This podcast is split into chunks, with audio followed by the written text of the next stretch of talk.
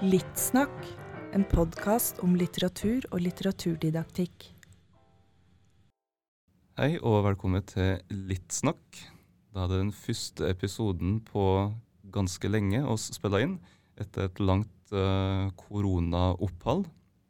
Og i dag er det Tatjana og jeg som er i studio. Marion er ikke her.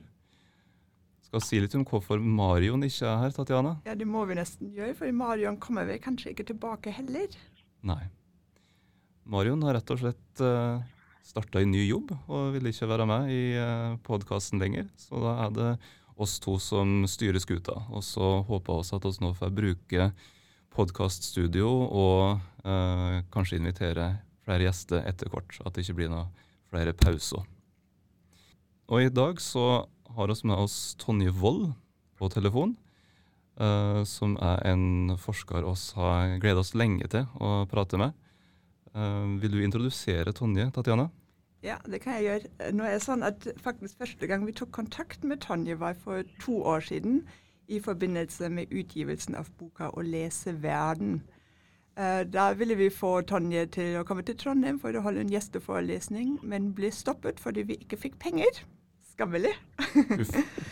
uh, og så har vi nå det siste året prøvd å få til en podkastepisode med Tonje. Jeg tror også at vi har annonsert henne i den første podkasten, at neste gang så blir det Tonje Wold. Men så fikk vi det aldri til. Enten så fant vi ikke noe tidspunkt, eller så var det korona som kom i veien. Så nå er vi veldig glad for å ha Tonje her. Uh, og Tonje hun eh, jobber der ved Universitetet i Oslo. Hun er førsteamanuensis ved Institutt for lingvistiske og nordiske studier. Eh, hun har afrikansk litteratur som spesialområde sitt. Eh, og et annet hovedområde er forskning på litteratursosiologi, der hun har forsket på litteraturformidling, bibliotekets og forlagets eh, rolle i eh, litteraturens sirkulasjon i samfunnet. Uh, videre har Tonje publisert artikler om barnelitteratur, deriblant flukt og menstruasjon i barnelitteraturen. Og Tonje Wold har bidratt til forskning på tekster om 22.07. Og nå uh, er hun i gang med et prosjekt med tittelen 'Minoritetsstemmer i skandinavisk samtidslitteratur'. Og et prosjekt som jeg kan lese på nettsida, skal fremme kunnskap om forholdet mellom litteratur og demokrati. Så Tonje er utrolig interessant for oss i lederutdanninga. Både fordi hun har masse kunnskap om litteraturformidling og bibliotek og barnelitteratur, og dette demokratiperspektivet som også um, er en stor del av forskninga, ser det ut som. Um, så vi gleder oss veldig til at du er her med oss i dag. Tonje, hei. Hei. Ja, det er veldig hyggelig å endelig kunne være med på podkasten. Jeg skulle jo veldig gjerne vært i Trondheim og møtt studenter, men uh, det får vi kanskje ha til gode. Det har vist seg å være veldig vanskelig å planlegge fysisk undervisning. Så ja. reiser har jo vært enda verre. Kombinasjonen var umulig. Mm. Men uh, ja, tusen takk for at jeg får være her. Ja, Supert. Du, Nå har jeg gitt et sånt lite riss over liksom, dine forskningsinteresser, og det, det favner jo ganske vidt. Så kanskje du kan si noe om hva som holder disse interessene sammen? Hva er det som er liksom, det store prosjektet ditt som forsker? Ja, si det. Men jeg tror at uh, for å svare på det spørsmålet, så er det jo sånn at forskning også er, mm, er en del av et liv og av uh, noe som er personlig, på en måte. Akkurat som all skriving uh, er det, på et eller annet plan. og da jeg holdt på med hovedoppgave og senere avhandling i litteraturvitenskap, så hadde jeg bak meg reiser til, uh, til uh, sørlige Afrika, altså til særlig Zimbabwe, hvor jeg hadde tatt hovedfagskurs og skrev hovedoppgave om en, en roman fra Zimbabwe som heter 'Nervous Conditions', av en som heter Tsitsi Dangaremga. Og som er en oppvekstroman, egentlig, om en liten jente. Men som var en kontroversiell roman da den kom, og som var en roman som ikke fikk eh, komme ut, egentlig. Men så ble den med en gang en verdenssuksess. Altså sånn, selv om ikke alle har hørt om den, eh, så, så er den på en måte en afrikansk klassiker i dag. Um, og så da jeg også var i, i Sør-Afrika og holdt på med, med doktorgrad, så var også dette spørsmålet om altså hvilke stemmer som ikke kommer til orde, og hvilke fortellinger som blir fortalt og ikke fortalt. Uh, og som i mitt hode og min erfaring også handler om, handler om politikk, uh, handler om ideologi, normer, uh, kjønn, raseforestillinger, altså en rekke sånne ting. Eh, det er nok noe av det som faktisk holder dette sammen. Da.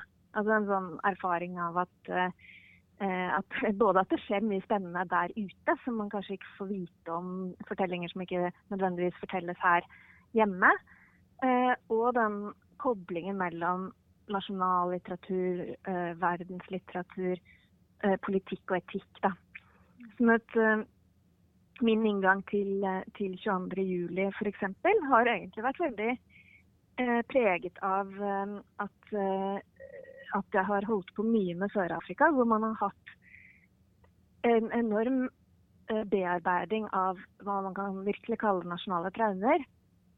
Og bearbeidet gjennom litteratur og bearbeidet gjennom ja, alle mulige politiske prosesser, naturligvis. Og, og liksom de, den erfaringen eller de analysene um, har liksom brakt inn i, i, det norske på et vis. da. Ja. Uh, det, er jo, det, er jo, spennende dette her med at, at, litteraturen kan både bearbeide traume, som du er inne på, og um, formidle fortellinger som vi kanskje ikke ellers ville hørt om. Uh, er det noe med skjønnlitteraturen, tenker du, som gjør at den er spesielt egnet til å formidle alternative perspektiv eh, eller bearbeide traume på en måte som andre tekst- eller kulturuttrykk ikke gjør? Uh, ja, altså nå er jo jeg en leser av skjønnlitteratur, og det er det jo sikkert mange som hører på, eller, eller, dere som også er. og Dermed så blir man litt sånn Ja, dette er den beste måten å forstå verden på. Mm. Det er mm. klart at det finnes mange muligheter for det, men men det som kanskje skjønnlitteraturen har, er jo eh, en sånn litt sånn nesten nerdete teknisk måte å svare på, da, men at den har en sånn eh, unik måte å, eh, å, formidle bevissthet på. Altså bevissthetsframstilling, altså tanker eh, som mennesker har i språk, som man ikke kan få av et fotografi f.eks., eller et musikkstykke. Eh, det er jo en måte man kommer veldig tett inn i, um, i skjønnlitterære liv på et vis. Uh, og det at man kommer tett inn på mennesker da, gjennom en god del romaner, gjør jo at man både kan finne fellestrekk med, med, folk som levde på 1800-tallet, eller, eller fellestrekk med folk som, som, lever på helt andre steder i verden, eller under helt andre forhold. Um, og også at man jo da får anledning til å møte noe fremmed, da, som jeg tenker kan være ganske viktig også. Uh, ting man ikke nødvendigvis forstår, og som man må bryne seg litt på. Uh, bryne seg litt på men den derre uh, koblingen mellom menneskelivet og, og konteksten, altså hvilke, hvilke forutsetninger man har for å leve livene som gjerne handler om kjærlighet og, og død og vennskap og familie og og forventninger og skuffelser og de store tingene som alle liv handler om. Um, det, det, tror jeg kommer veldig godt fram nettopp i skjønnlitterære tekster. da. Og så er det jo i tillegg også sånn altså det estetiske at uh, man kan ha et bilde et slående, en slående metafor. Det kan man. Liksom, som gjør at du, du tenker på uh, på noe på en ny måte. Mm. Um, ja. Så det er jo mange som snakker om også sant, at skjønnlitteratur er en kilde til empati og, og, og den type ting. Eh, og det tror jeg kanskje det er, men jeg vet ikke om man blir liksom mer empatisk enn andre av å vie livet sitt til å lese bøker. Um, men, men man kommer tett på en type fortellinger om andre mennesker. Da. Mm. Det er kjempespennende. Liksom, litteratur som, som, reservoar av kunnskap, som tilgang til, uh, til, kunnskap på andre måter enn det man kan få til på annet vis. Uh, mm. ja. Um, men da kanskje vi skal begynne å syke litt sånn inn på den å lese verden, For det, det gjør det jo nettopp det med at du både leser skjønnlitterære tekster, og du leser konteksten Uh, og du setter disse skjønnlitterære tekstene i en kulturhistorisk uh, kontekst også. Kan du si noe om hva som er prosjektet ditt med å lese verden? Hva er det egentlig å lese verden? Ja, hva er å lese verden? Um, her er det jo å fortolke verden, eller prøve å forstå verden, eh, som er tema. Og um, jeg tenker jo at både, den, både skjønnlitteraturen og for så vidt sakprosa, men altså altså fortellingene, eh, brukes av oss alle til å forstå verden, eller forstå oss selv og vår plass i verden. Og at eh, både litteraturen, men også litteraturteorien eh, kan gi inngang til en eh, kontekstualisering av eget liv, eller eh, ja, å forstå andre mennesker på andre steder. Og i den sammenheng så, men, så, var egentlig planen å lese 'Verden som bok', var egentlig å skrive en ganske kort, liten bok om postkolonial teori. Mm -hmm. eh, og det har det jo ikke blitt. Nei, for det kan vi jo si at den er ganske 450 sider. som handler om veldig mye mer. Uh, og det var det jeg skjønte når jeg liksom skulle skrive en liten bok om postkolonial teori, at det var egentlig veldig mye som ikke var kanskje uh, introdusert eller problematisert, eller hva man skal si, uh, som også måtte ha plass. Pluss at postkolonial teori er, en, er, noe som også har hatt en, et høydepunkt. Men det er jo skjedd ting etter det. For hvis man bare, bare for å plassere det for uh, studenter som hører på, sånn at altså, det er jo en teoriretning som særlig um, skjøt fart fra 80-tallet, kan man si. Uh, men kanskje også hadde en liten sånn downfall etter 2000. Mm -hmm. Det føltes også litt rart å sitte og vite en bok i 2019 her, liksom postkolonial teori var det mye. Sånn at Derfor så ble det både veldig mye om hva som kom før, og mye om hva som kanskje også er veien videre. Jeg lurer på, um, bare med tanke igjen på, på lytterne våre som uh, kanskje er en del studenter, om du bare kunne definert litt kort hva postkolonial teori er for noe? Hvis du skulle ja. liksom presentert det kjemperaskt. Ja.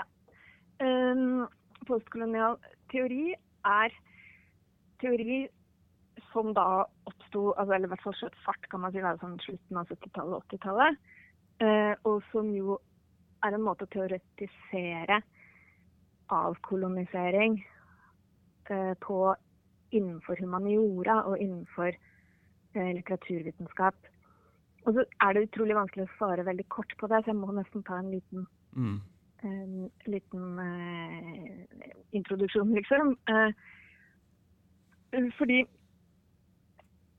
den er jo selvfølgelig mye eldre enn det. Og det er derfor denne boka også ble større. Fordi eh, den postkoloniale teorien er utviklet i vestlige akademia i stor grad, i Europa og USA, av folk som kommer fra tidligere kolonier. Eh, men siden det også da handler om ting som har med avkolonisering å gjøre, så er det et veldig viktig del av den som nettopp handler om motstand mot kolonisering. Eh, og det er jo en veldig lang kamp, ikke sant, som jo har, eh, har røtter som er like gamle som koloniseringen. Og motstanden har jo alltid på en måte vært der. Mm. Sånn at jeg ville ha med det. Hva er det som, hvor er det liksom den inspirasjonen til de tenkerne på 80-tallet? Hvor kom den fra? Den kom jo fra folk som eh, levde på Martinique eller i Afrika, og som tenkte eh, smarte ting uten å være på universiteter i, i, eh, i USA. Sånn at det var en viktig del av, av prosjektet, på en måte, å vise hvordan den postkoloniale teorien har røtter fra, eh, fra, motstanden mot koloniseringen og fra koloniene selv, på et vis. da. Mm. Eh, og så For å definere postkolonial teori, så er det da eh, en teori som handler om eh, eh Ja, altså det mest fellesnevneren kan man si er en type litterær motstand mot, kolon, mot kolonialismens strukturer. Men det betyr da at man ser på hvordan um, kolonialismeideologi f.eks. kommer til uttrykk i skjønnlitteraturen. Hvordan skjønnlitteraturen uh, ikke er en helt nøytral uh, kunstform som, som, på en måte bare er uh, gledelig og skjønn, men som også målbærer noen ideologier. Um, så det er liksom én ting. Og så ser den også på hvordan litteratur fra tidligere kolonier bryter med denne eh, kolonialiseringsideologien i sine litterære verk og med sine eh, litterære virkemidler. Og den tredje type tema som er veldig sentralt, er også diasporaens litteratur. Altså litteratur som kan, eh, kan være fra Oslo for den saks skyld. Altså som eller Trondheim, altså sånn, sånn Sjakkars uh, 'Tante Ulrikkes vei' f.eks., vil jo være diasporalitteratur. fordi at det er, En diaspora er jo en folkegruppe som har bosatt seg et annet sted enn der man opprinnelig er fra. da. Mm. Så det er liksom tre sånne eh, emner. altså Både den eldre litteraturen, hva er de kolonialiseringsstrukturen, ideologien der?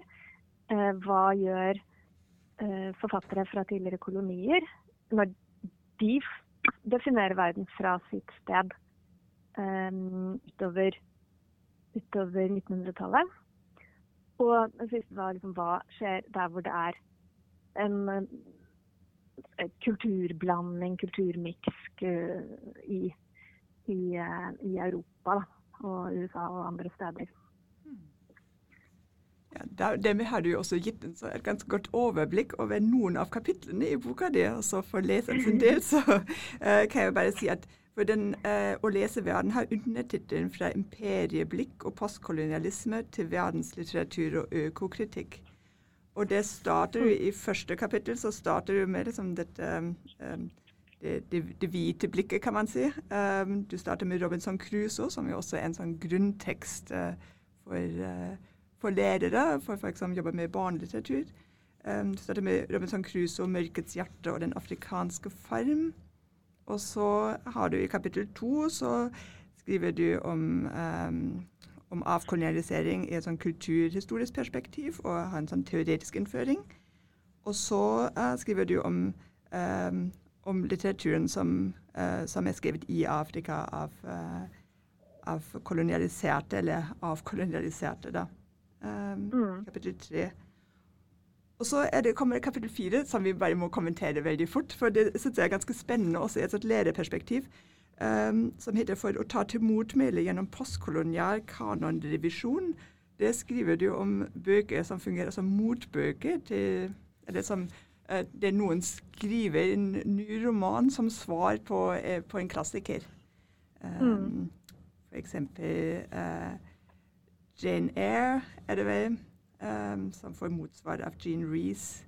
Um, og det, jo, det tenkte jeg er interessant, et interessant uh, interessant i lederutdanningssammenheng, for det er jo også en sjanger som elever skriver innenfor. altså At de får i oppgave ta det til litterære universet og finne på din egen figur, eller skrive videre på historien, eller uh, ta perspektivet til en annen karakter. Mm. Um, vil, du, vil du kort kommentere det? Den tilsvarsromanen Ja, altså ja, som det, fenomen? Der, som fenomen så er jo det en veldig sånn tydelig måte uh, forfattere kan problematisere både altså problematisere på et liksom høyt nivå, på kulturarven. da, ikke sant? At man kommer inn med et annet perspektiv eh, og skriver om en fortelling som alle kjenner til. Om det er om det er Jane Eyre, eller eh, om det er Robinson Crusoe, eller eh, om det er Den fremmede av Camille. At man plasserer synsvinkelen et helt annet sted enn disse forfatterne har gjort før. Og på den måten vise frem disse hullene i fortellingen. på en måte. Hva er det som ikke sies? Hva er det, fordi at ethvert perspektiv eh, som jeg sa innledningsvis, at man kommer jo tett inn på folks perspektiver, eller sånn karakterers perspektiver eller fortelleres perspektiver i, i romanen, i romanformen. Og ethvert et hvert perspektiv vil jo alltid stenge for noe, omtrent. ikke sant? Det er veldig vanskelig å tenke seg at man har med, har med alt uten at det blir um, fullstendig kaos. Uh, sånn at, og, og, og um, enhver som skriver, er jo også del av en epoke eller en kultur, eller har noen, noen hva man kan si, blinde felter som, som de som kommer etterpå, ikke har. Nødvendigvis de samme, andre, men ikke de samme. Og dermed så er jo da det å skrive en uh, roman fra nettopp et annet perspektiv, det gir jo en veldig sånn eh, klar eh, og tydelig problematisering av kulturarven og hva som ligger foran. da. Um, sånn at uh, f.eks. hvis man ser på en roman som, uh, som Foll av uh, den sørafrikanske forfatteren J.M. Coetzee, så er det da en uh, roman hvor det er en skipbrudden kvinne som flyter i land uh, på en øde øy, og der møter hun en mann som heter Cruso, uten E til slutt, men Cruso og hans slave Friday. Og denne Cruso vil overhodet ikke egentlig eh, jobbe med noe som helst. Han er eh, egentlig en sånn slappfisk som bare går og suller på den øya. Uh, og, um, og, Friday, denne slaven, han har fått tungen sin skåret av. Så han kan ikke snakke i det hele tatt. Um, og i den fortellingen så så dør Så får da denne Susan-karakteren hun får denne gjengen reddet over på et skip, og hun kommer etter hvert til London mens Crusoe dør. Og så oppsøker hun en forfatter som heter Daniel Defoe. Aha. Sånn at, sånn at Coetzee lager en sånn forhistorie, en slags sånn fiktiv forhistorie for hvordan denne historien kunne vært, eller kanskje var, eller et eller annet sånt noe.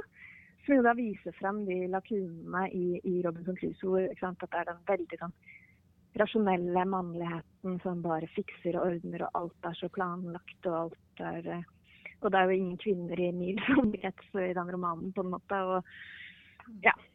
Og fredag er bare den, den, den hengivne eh, hjelperen som jo lærer engelsk og etteraper sin herre. og og, og blir kristen og sånn, men i, i, i Fold så er det umulig å forstå Friday, da, når man jo har poenget med fortellingen også.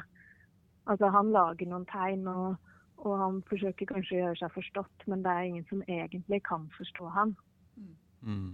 Eh, og den, det Kutsi også gjør der, er jo da også å vise liksom, slavenes fortelling, egentlig. Altså det er tapt. Man kan lage fiksjoner, men det er tapt, da. Altså, ja. Mm. Så det, og det er bare ett av flere eksempler som jeg eh, viser fram i, i Å lese verden, av sånn tilsvarende eh, romaner som, som eh, ja, vrenger ut på et vis da, eh, den vestlige kanonen og, og, og, hvilke ideer vi har om hva vi kan hvordan vi har forstått oss selv, på et vis. Superspennende. Ja, jeg syns også det er veldig gøy. Robinson Crusoe har jo egentlig blitt en sånn gjennomgangsfigur i denne boka, da. Eh, fordi det er veldig mye å si om Robinson Crusoe også. Men altså, det er jo da eh, Dette er jo da eh, en sørafrikansk variant av Robinson Crusoe skrevet på, på 80-tallet. Som jo både handler om da den kulturarvtingen, men også om Sør-Afrika på 80-tallet. Altså, det handler jo også om hva, hva er de brennbare var den brennbare situasjonen i det landet på det tidspunktet. Det er jo apartheid. Hvem kan fortelle den andres fortelling? Er den hvite, liberale øh, øh, akademikeren f.eks. Uh, eh, står den i en særstilling for å forstå svart historie som ikke, som ikke er fortalt før? Hvilken, hvilken liksom, vold på den andres egenart og og situasjon er man på en måte står i fare for å, å gjøre hele tiden.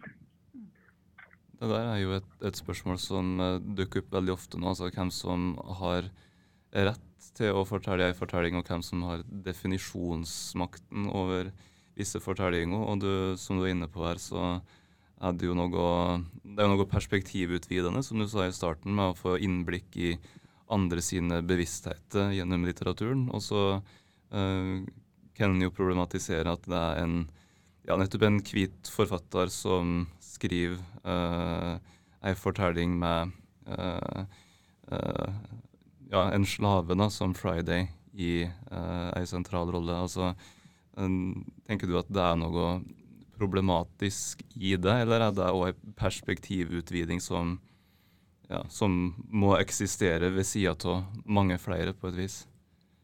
Mm, ja, det er jo på en måte flere spørsmål uh, i ett. Men akkurat når det gjelder akkurat når det gjelder Fold, så tenker jeg jo at Kutsi faktisk viser den grensen. Da. At det er en grense. Ikke på liksom hvem som har lov til, eller noe sånt, men, men hva kan man egentlig mm. få? Eller altså få Eller hva skal jeg si altså, altså Den viser at det er en uh, uoversikt... Altså de Altså de slavene som ligger på havets bunn, da. Mm. De er borte. Vi har ikke tilgang til deres historier. Det er tragisk, men sånn er det på en måte. Sånn at uh, Hans kritikk det er, kan man jo også si uh, er rettet mot nettopp en del Daniel Defoe der ute. da. Som også bare skriver dem inn som, som hengivne tjenere. Ja. Mens ingen egentlig vet hvor forbanna de var, eller hvor, hvordan de hadde det. Uh, Mm. mens, i, mens Daniel Defoe uh, skriver ut kvinnen, skriver ut den svarte mannen, eller omgjør den svarte mannen til en god protestant og, og sånn. Uh, sånn det er jo også en veldig sånn sterk eh, kanonkritikk, eller kritikk av, av nettopp den, den type ting. Da. Eh, og så det andre spørsmålet, liksom, for dette er jo bre- brennbare spørsmål i vår tid. Eh, så er det et poeng i gjennom hele denne boka, og det er også litt derfor den ble så stor, eh, at jeg har forsøkt å inkludere flere sider når det gjelder veldig mye. Sånn at eh, det som vi kaller interseksjonalitet, altså det at man eh, kan si at man har en fortelling, og så er det en motstand mot en fortelling. Eh, OK, men har du bare én fortelling? Er det bare én type motstand? Nei, fordi at du kan ha et motstandspar som er altså kolonialisering av kolonialisering. men Det kan være svart-hvit, men det kan jo også være kvinne-mann. Eller det kan være uh, utrolig mange forskjellige ting som har med klasse og etnisitet og religion og ja, sånne ting å gjøre. Sånn at Særlig det å få inn kjønnsperspektivet i disse sammenhengene har vært ganske viktig. Og det har ikke nødvendigvis poenget for min del vært å si at det er ikke lov å å fortelle en historie på vegne av noen andre, men det har vært viktig for meg å vise hva gjør hva, hva er eh, et eh, feministisk perspektiv her, f.eks. på avkoloniseringskampen. Eller, eh, eller ja, den slags, da. Um, så, så for min del så har det vært mer en, altså, en inngang som er sånn eh, Det er ingenting som er på en måte forbudt, men det er veldig interessant å se hva som faktisk skjer i tekster. da.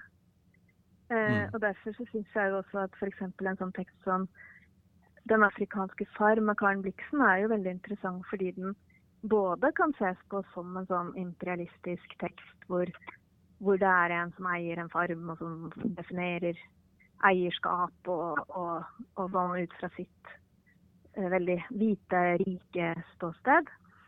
Eh, men det er også en historie om en kvinne eh, fra Danmark i en koloni som er en engelsk koloni, altså hvor det på en måte kommer inn en del andre parametere som gjør noe med den Mm. uh, fortellingen. Eh, og sånn syns jeg det er med veldig mye litteratur. fordi at skjønnlitteratur er jo ikke noe du kan sette to streker under svaret og si ja, her har vi det perspektivet bare. Jo, I nesten hver tekst så er det liksom rom for motstand internt på et vis. ikke sant? Altså at det er mange ting som foregår samtidig. Mm. Det er jo eh, noe som iallfall jeg har sett pris på når jeg har lest boka di, nettopp at du eh, kaster ljos over forskjellige tekster fra forskjellige vinkler. Og det tenker jeg er viktig for, for lærerstudent og litteraturstudent eh, å òg bli oppmerksomme på at det kan skje forskjellige ting med en tekst hvis du legger an forskjellige perspektiv. At flere tolkinger på et vis kan være gyldige samtidig. Eh, alt etter hva slags perspektiv du, du velger, hva slags spørsmål du stiller. Um, Så det, det, er jo litt det er et litteraturdidaktisk poeng som ligger innbakka i det her. Og, og når vi prater om disse her tilsvarsromanene, så, så, tenkte jeg på en slik tendens i norsk didaktikken nå som handler om uh, radikal estetikk og det å legge vekt på uh, den egne estetiske produksjonen åt elever, som bl.a. Mm. Jon Smith eh, som jo en, en, uh, en, kjent norsk didaktiker har skrevet en del om, altså at, at eh, norskfaget skal jo ikke bare ha som oppdrag å introdusere elever for en kultur og lære dem på en måte det riktige perspektivet på Per Gynt eller uh, amtmannsstøttere, men skal òg myndiggjøre elever til å skape ny kultur ut fra den som de tekstene som eldre er jo sirkulerer. Uh, mm. Så det er et myndiggjøringsperspektiv der som, som er òg høyere, på en måte, i det du forteller om tilsvarsromanen. tilsvarsromanene. Mm. Det er jo kjempespennende. Uh, radikal estetikk Jeg kan ikke så mye om didaktikk. Men jeg tenker jo også på sånn uh, altså bare læreplanen i norsk. altså du skal kunne tekst og sette tekst i kontekst og kritisk tilnærming til tekst. Og, altså det er en del sånne ting som man godt kan bruke, eh, bruke litteratur også som ikke kommer fra Norge, på en måte. da. I norskfaget hadde jo vært, eh, vært spennende, og, eller er spennende. Mm -hmm. Og hvordan man ser at den norske samtiden er del av, av, av flere kontekster på en gang. Ja, ikke sant. Eller også det, eller også dette med altså, demokrati og medborgerskap. Altså, her syns jeg også at det ligger veldig mye potensial i å trekke inn den type litteratur jeg har, uh, har, skrevet om, eller de perspektivene. da. Noe som jeg setter veldig stor pris på i boka di, og det må jo sies til leseren eh, til lytterne her, at det er en veldig lesverdig bok. Det er utrolig god, godt formidlingsarbeid. Så veldig sånn fin, god tekst. Godt å lese. Uh, og noe som jeg uh, setter veldig stor pris på, er at uh, du er veldig lite doserende, du er veldig lite moraliserende. um, så du legger frem noen perspektiver og gjør noen lesninger, men uten at vi som lesere blir um, får presset noen holdninger overhodet. Det var en tekst som um, jeg også tenkte på også i den litt sånn betente politiske situasjonen som vi kanskje befinner oss i i dag. Og det er 'Mørkets hjerte', for den har vi nemlig satt opp på pensum til noen av våre masterstudenter i år. Um, mm. Og som du skriver det innledningsvis, så uh, du, du, du, har overskriften 'imperialismekritikk'. Og så skriver du fram at den både er blitt lest som nettopp imperialismekritikk, men også som en veldig rasistisk tekst. Uh, så det er jo en mm. ambivalens her i den teksten. Uh, så jeg lurer på om du kanskje kunne si litt om den? Ja. altså 'Mørkets hjerte' er jo altså, skrevet uh, helt på tampen av 1800-tallet. Og kanskje sånn på høyden av imperialismen, egentlig, og kolonialiseringen. Um, og den er jo som, som du sier, altså både blitt lest som en sånn humanistisk tekst som setter lys på uh, bestialiteten som foregikk i, i, Kongo. For det er jo da denne fortelleren Marlow som forteller om sin reise opp Kongofloden. Uh, for da å um, um, å hente, eller liksom, hindre denne Kurt som er uti der, og ødelegge egentlig for handelen. Uh, sånn at den er fra start en, en, en, roman som jo både handler om økonomi og om på en måte et humanistisk eh, prosjekt i samme åndedrag, på en måte. Eh, og så er den jo lest som en, da, som en sånn antikolonialiseringstekst, fordi den eh, eh setter jo lys Eller Konrad skriver jo da om en, en fyr som har, som liksom har eh, blitt en bestialsk eh, type, da. Og, ja. Og dermed så viser den jo liksom imperialismens bakside, og Kongo var jo et helt fryktelig eh, sted. Men eh, og, så, og, så, kan man jo spørre ja, hva er det da som er problemet med den teksten. Eh, og det som er problemet med den teksten, er jo at eh, Afrika, altså er, Man ser jo dette da bare fra Marlows perspektiv. Eh, og eh, afrikanerne i den teksten framstilles da som bablende, eh, farlige eh, folk. Så Det som er litt interessant, er, og det er jo på en måte en sånn start på en postkolonial kritikk. fordi at på 70-tallet så formulerer da den nigerianske forfatteren Chinua Achebe en kritikk av Heart of Darkness som rasistisk, et rasistisk verk. Og fram til da har altså Det er jo ganske lenge, da vi snakker om 70 år så har den teksten blitt lest som en antirasistisk eh, tekst. Så det tok liksom 70 år før noen da satte fokus på Men skal vi se litt på hvordan Konrad skildrer sitanerne her? Og at Kjøbes eh, eh, kritikk av Konrad er jo da er altså dette at, eh, at Afrika på en måte er en sånn eh, det mørke og det bestialske, og at det også handler om afrikanerne som da blir skildret som uten kultur og språk og sånn. Eh, men Matrebes kritikk rammer også de andre litteraturviterne. Han er en, eh, han er en litteraturprofessor. Og, og liksom hele den vestlige kunnskapsproduksjonen innenfor litteraturvitenskapen, som da eh, har sett på som man sier, noe sånt som alt fra alt til og med liksom Konrads bruk av saks og kam i, i, romanen er studert, men ikke hva betyr Afrika, eller betyr, hvordan skildres afrikanerne. Mm. Eh, og etter det så har det jo det på en måte blitt en, en kritikk man alle som kommer etterpå, på et eller annet vis må forholde seg til. da.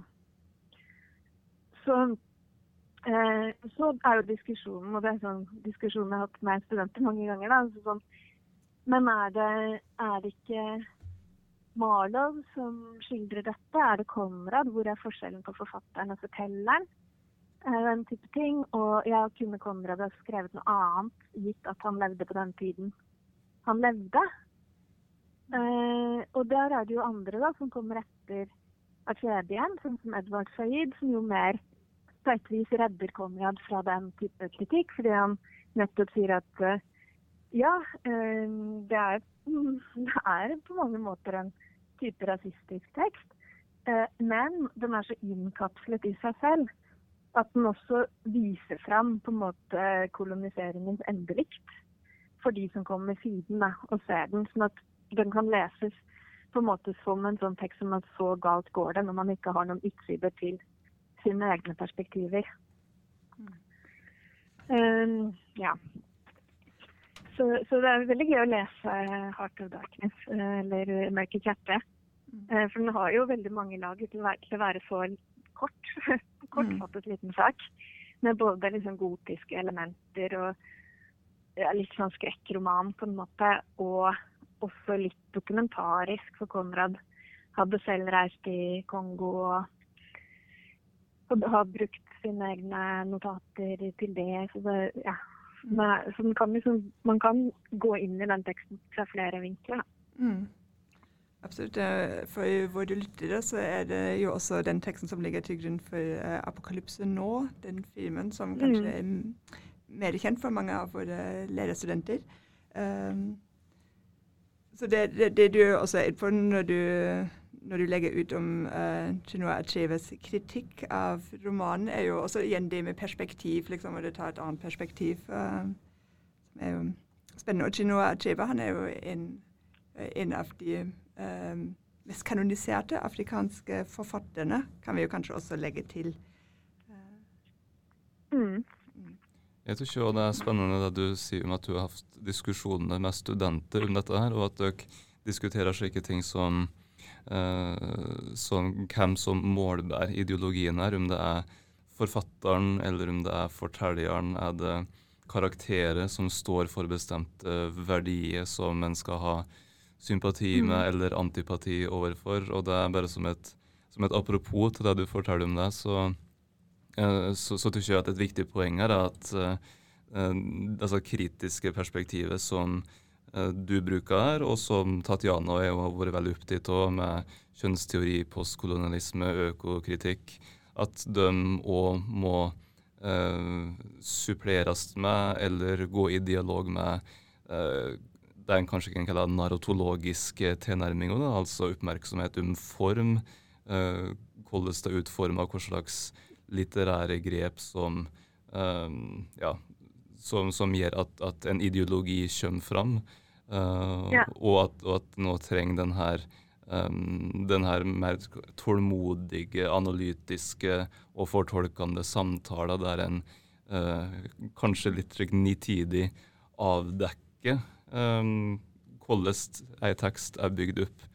Um, så, det, så det, det, er som en slik eh, litt didaktisk, men òg litteraturteoretisk apropos. Da, at, at, her er det på en måte mange, mange forskjellige former for litteraturanalytisk eh, ferdighet, for å bruke et uh, didaktisk kjerneord, som, eh, som spiller i hop. og det sier jo litt om, om hvor, hvor, komplekst og hvor krevende, men òg hvor hvor spennende litterær lesing kan være. Mm. Ja, jeg syns jo det. Og at uh, altså på en måte man, uh, så kan man jo si at en del av de lesningene i Å lese verden er en type tematiske lesninger. da. Det vil man jo kunne si. Mm. For at man bringer opp temaer. eh, som økologi eller, eller krig, eller hva det nå skal være. Og så, og så prøver du å lese Eh, ut noe tematisk ut av, av, verk og sette det i sammenheng. Mm. Men, men, eh, det er et veldig viktig poeng for meg at eh, det, som du sier, må forankres i en eller annen metode. Eh, som ikke bare er eh, hva, hva et verk handler om, eller liksom står for, men at, liksom, hvordan er det man kommer fram til at det handler om det. Mm. Eh, ja. Og, og ja, nei, veldig enig der.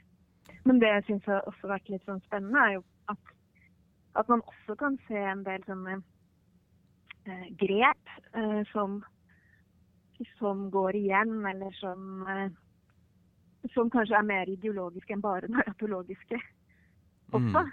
Eller, at man kan koble de to, da. F.eks. dette med en sånn veldig sterk jeg-forteller, hvis man går til den, den afrikanske farm, uh, hvor hvor uh, Karen Blixen Det er jo ikke en romanroman, men det er jo en uh, fortelling på en annen måte. En selvbiografisk fortelling.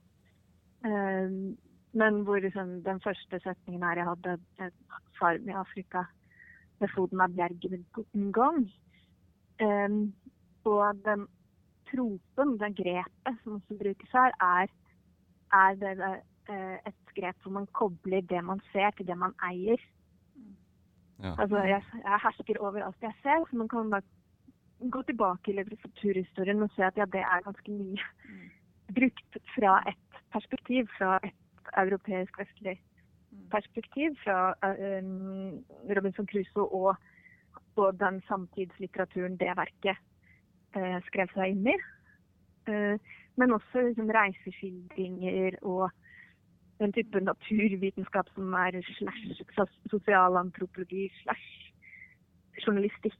Altså hvor eh, det utsynet, da, eller det veldig eh, markante jeget som har oversikt, eh, og som kan kategorisere andre og eh, gi andre navn, eller gi steder navn, eller alt sånt. Eh, at det også er et ideologisk eh, grep. Altså man kan knytte det da, til liksom, en historie. Og Det er sånne ting jeg syns også er veldig spennende. for da kan man si å, er det, Har man det i norsk samtidslitteratur i dag, eller hvor har man det? Fins det i dag? Ja. Mm. At det ikke bare handler om, om de gamle tekstene også, men at man kan, kan knytte den ideologien til noen narrative trekk som er ganske bestandige, eller sånn seiglivete. Ja. Det var kjempe, kjempespennende. Men ser du egentlig noen sånn tilsvarende eh, grep som går igjen i den afrikanske litteraturen, som blir en sånn reaksjon på, eh, på, på, det, imperialistiske På, på imperialismen? Eh, ja. Eh, altså, afrikansk litteratur er jo enormt felt. Sånn at, um, Og det skrives jo på utrolig mange forskjellige språk. Og jeg har bare en flik av innsyn i, i det, for å si det med en gang. men, eh, men det er jo en sånn type hva skal man si, liksom, selvhevdelse og tilsvar og sånn som kommer da med avkoloniseringen i, i Afrika, hvor man også tar um, um, tar um, uh, uh, tar grep om å få fortalt sin egen historie da, om, om de landområdene som tidligere bare har blitt kalt uh, new, altså, blir kalt hva som helst, egentlig, ikke sant? Altså med europeiske navn, og bringer tilbake den eh, egenarten og de gamle navnene og sånn inn i, i fortellingene. Mm. Eh, og, men jeg tenkte også på en sånn eh, jeg-forteller, som liksom er akkurat, akkurat det grepet. Eh, som som jeg begynte å snakke om, altså den romanen som jeg skrev hovedoppgave om, som heter 'Nervous Conditions', av uh, Tsitsi som faktisk akkurat nå er blitt sånn, inkludert i det framtidsbiblioteket i Norge, hvor man forfattere skriver tekster som skal leses om 100 år. Men der er det en jeg-forteller som er en liten jente. Og da den kom ut i Zimbabwe, som jeg sa, så var det ikke uh, så var, så kom, Den kom faktisk ikke ut i Zimbabwe, den kom ut uh, internasjonalt på en måte først, og så i Zimbabwe senere. Eh, men da var det også provoserende, på en måte, eller kontroversielt. Altså med en jeg-forteller som er en liten jente. Og det sier jo noe om altså, eh, den kampen for å få fortelle og for å være For å, for å kunne ha en jeg-forteller. Mm. Og sette sin egen versjon i sentrum. Eh, sitt eget utsyn i sentrum. Det er en kamp som foregår. Eh, på forskjellige premisser. Da. I det tilfellet der så handlet jo det mer om, mer om kjønn. Mm.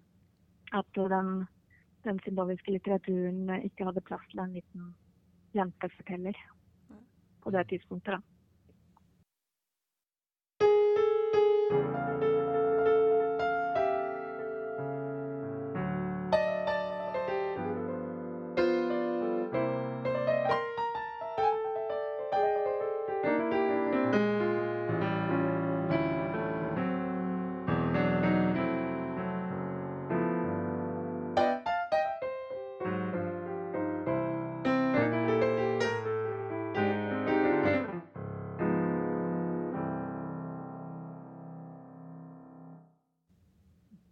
Da kan vi gå over til vår faste spalte, som er Den kritiske bokhylla. For oss ber jo gjestene våre om å ta med to tekster som de vil anbefale. Eh, ei litterær tekst og ei faglig tekst. Um, som de da tenker kan være gode å bruke med tanke på kritisk lesing. Det er bestillinger. Så da spente Tonje på hva du vil uh, ta med til oss.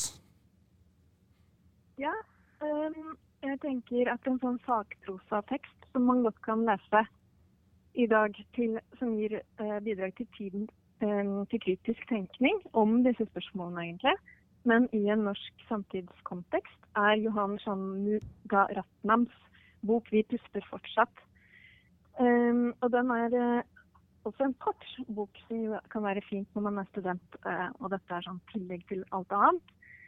Um, men den syns jeg egentlig um, bidrar på en veldig god måte til å vise nettopp hvordan eh, migrasjon til Norge eh, har røtter i avkoloniseringsprosesser, i imperialisme og, og forskjellige eh, ting som da gir den norske samtiden. Men nettopp en litt større kontekst, da, hvor vi ser at de menneskene som er Norge i dag, på veldig mange måter står i forbindelse med en større verden som vi eh, ja, som angår oss alle sammen. Eh, så, så, det, så, det, er liksom en del av det. En sånn migrasjonsfortelling, oppvekst og, og, familierøtter. Men det handler jo også da om eh, om store eh, vår tids store prosesser, eller liksom masseprosesser, sånn som eh, Black Lives Matter, og hva det har å si i den norske konteksten. Og så mer direkte om, om rasisme. Eh, og om 22. juli, som jo også er et, et tema som jeg syns er veldig fint at vi nå, ti år etter, virkelig har eh, tatt på alvor eh, i, i, samfunnsdebatten og også i, i den litterære eh, floraen. Er det liksom, kommet mange fortellinger om hva det dreier seg om. Og at det nettopp kanskje ikke dreier seg om det samme for oss alle sammen, selv om det angikk eh, hele nasjonen. Så den vil jeg anbefale um, til alle. Mm. Mm. Ut. Når det gjelder den skjønnlitterære teksten, så syns jeg det er helt utrolig vanskelig. Så um, jeg har virkelig vridd hjernen, så jeg vet ikke helt um, liksom den boka som skulle sammenfatte eh, Eller peke videre eller inspirere her. Men så tenker jeg at egentlig så kan jeg anbefale en en roman som jeg har lest ekstremt mange ganger, for det var den jeg skrev uh, store deler av avhandlingen min om. Og det er han tidligere nevnte, da, J.M. Cutsey, eh, sin roman 'Disgrace', eller 'Vanære'. Eh, og det er en roman som foregår i Sør-Afrika etter apartheid. Um, og som dreier seg nettopp også om de store fortellingene Nei, ja, store spørsmål som hvem eier landet, og hvem eier fortellingene om landet. Um, og om noe som kanskje også er mer, litt mer aktuelt, eh, eller bare mer og mer aktuelt, om, om seksuell trakassering og, og, voldtekt, og hvordan uh, de tingene også har en, uh, spiller en rolle i uh, nasjonsbyggingsnarrativer. Um, og og det blir på en måte, det er også noen sånne voldtektshistorier som også setter opp dette temaet med hva skal til for å få til en forsoning? Hvordan skal man kunne snakke om de um, fryktelige tingene som har skjedd? Så det, det, er jo en litt, kanskje litt dyster eh, bok, men, uh, men, veldig spennende. Og den kan, har også blitt lest fra veldig mange forskjellige kanter. sånn at hvis man er interessert i å, å, å finne fram til fortolkninger og, og sånn av den, så er det eh, fullt mulig. Jeg skriver også en god del om den i det siste kapitlet i boka, som handler om menneskerettigheter og, og økokritikk, men særlig hvordan litteratur og menneskerettigheter også kan ses i sammenheng. Da vil vi takke for en veldig innholdsrik uh, samtale. Jeg håper at våre lyttere, våre studenter, suger til seg og blir inspirert av de perspektivene du har kommet med. Og vi har snakket om mange forskjellige tekster som det er verdt å lese.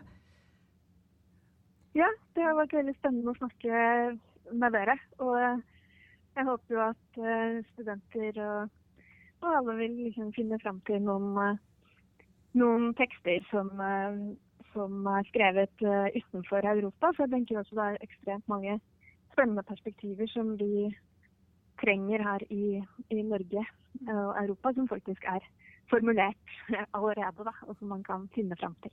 Mm. Hvis man leter litt utenfor, utenfor kanon.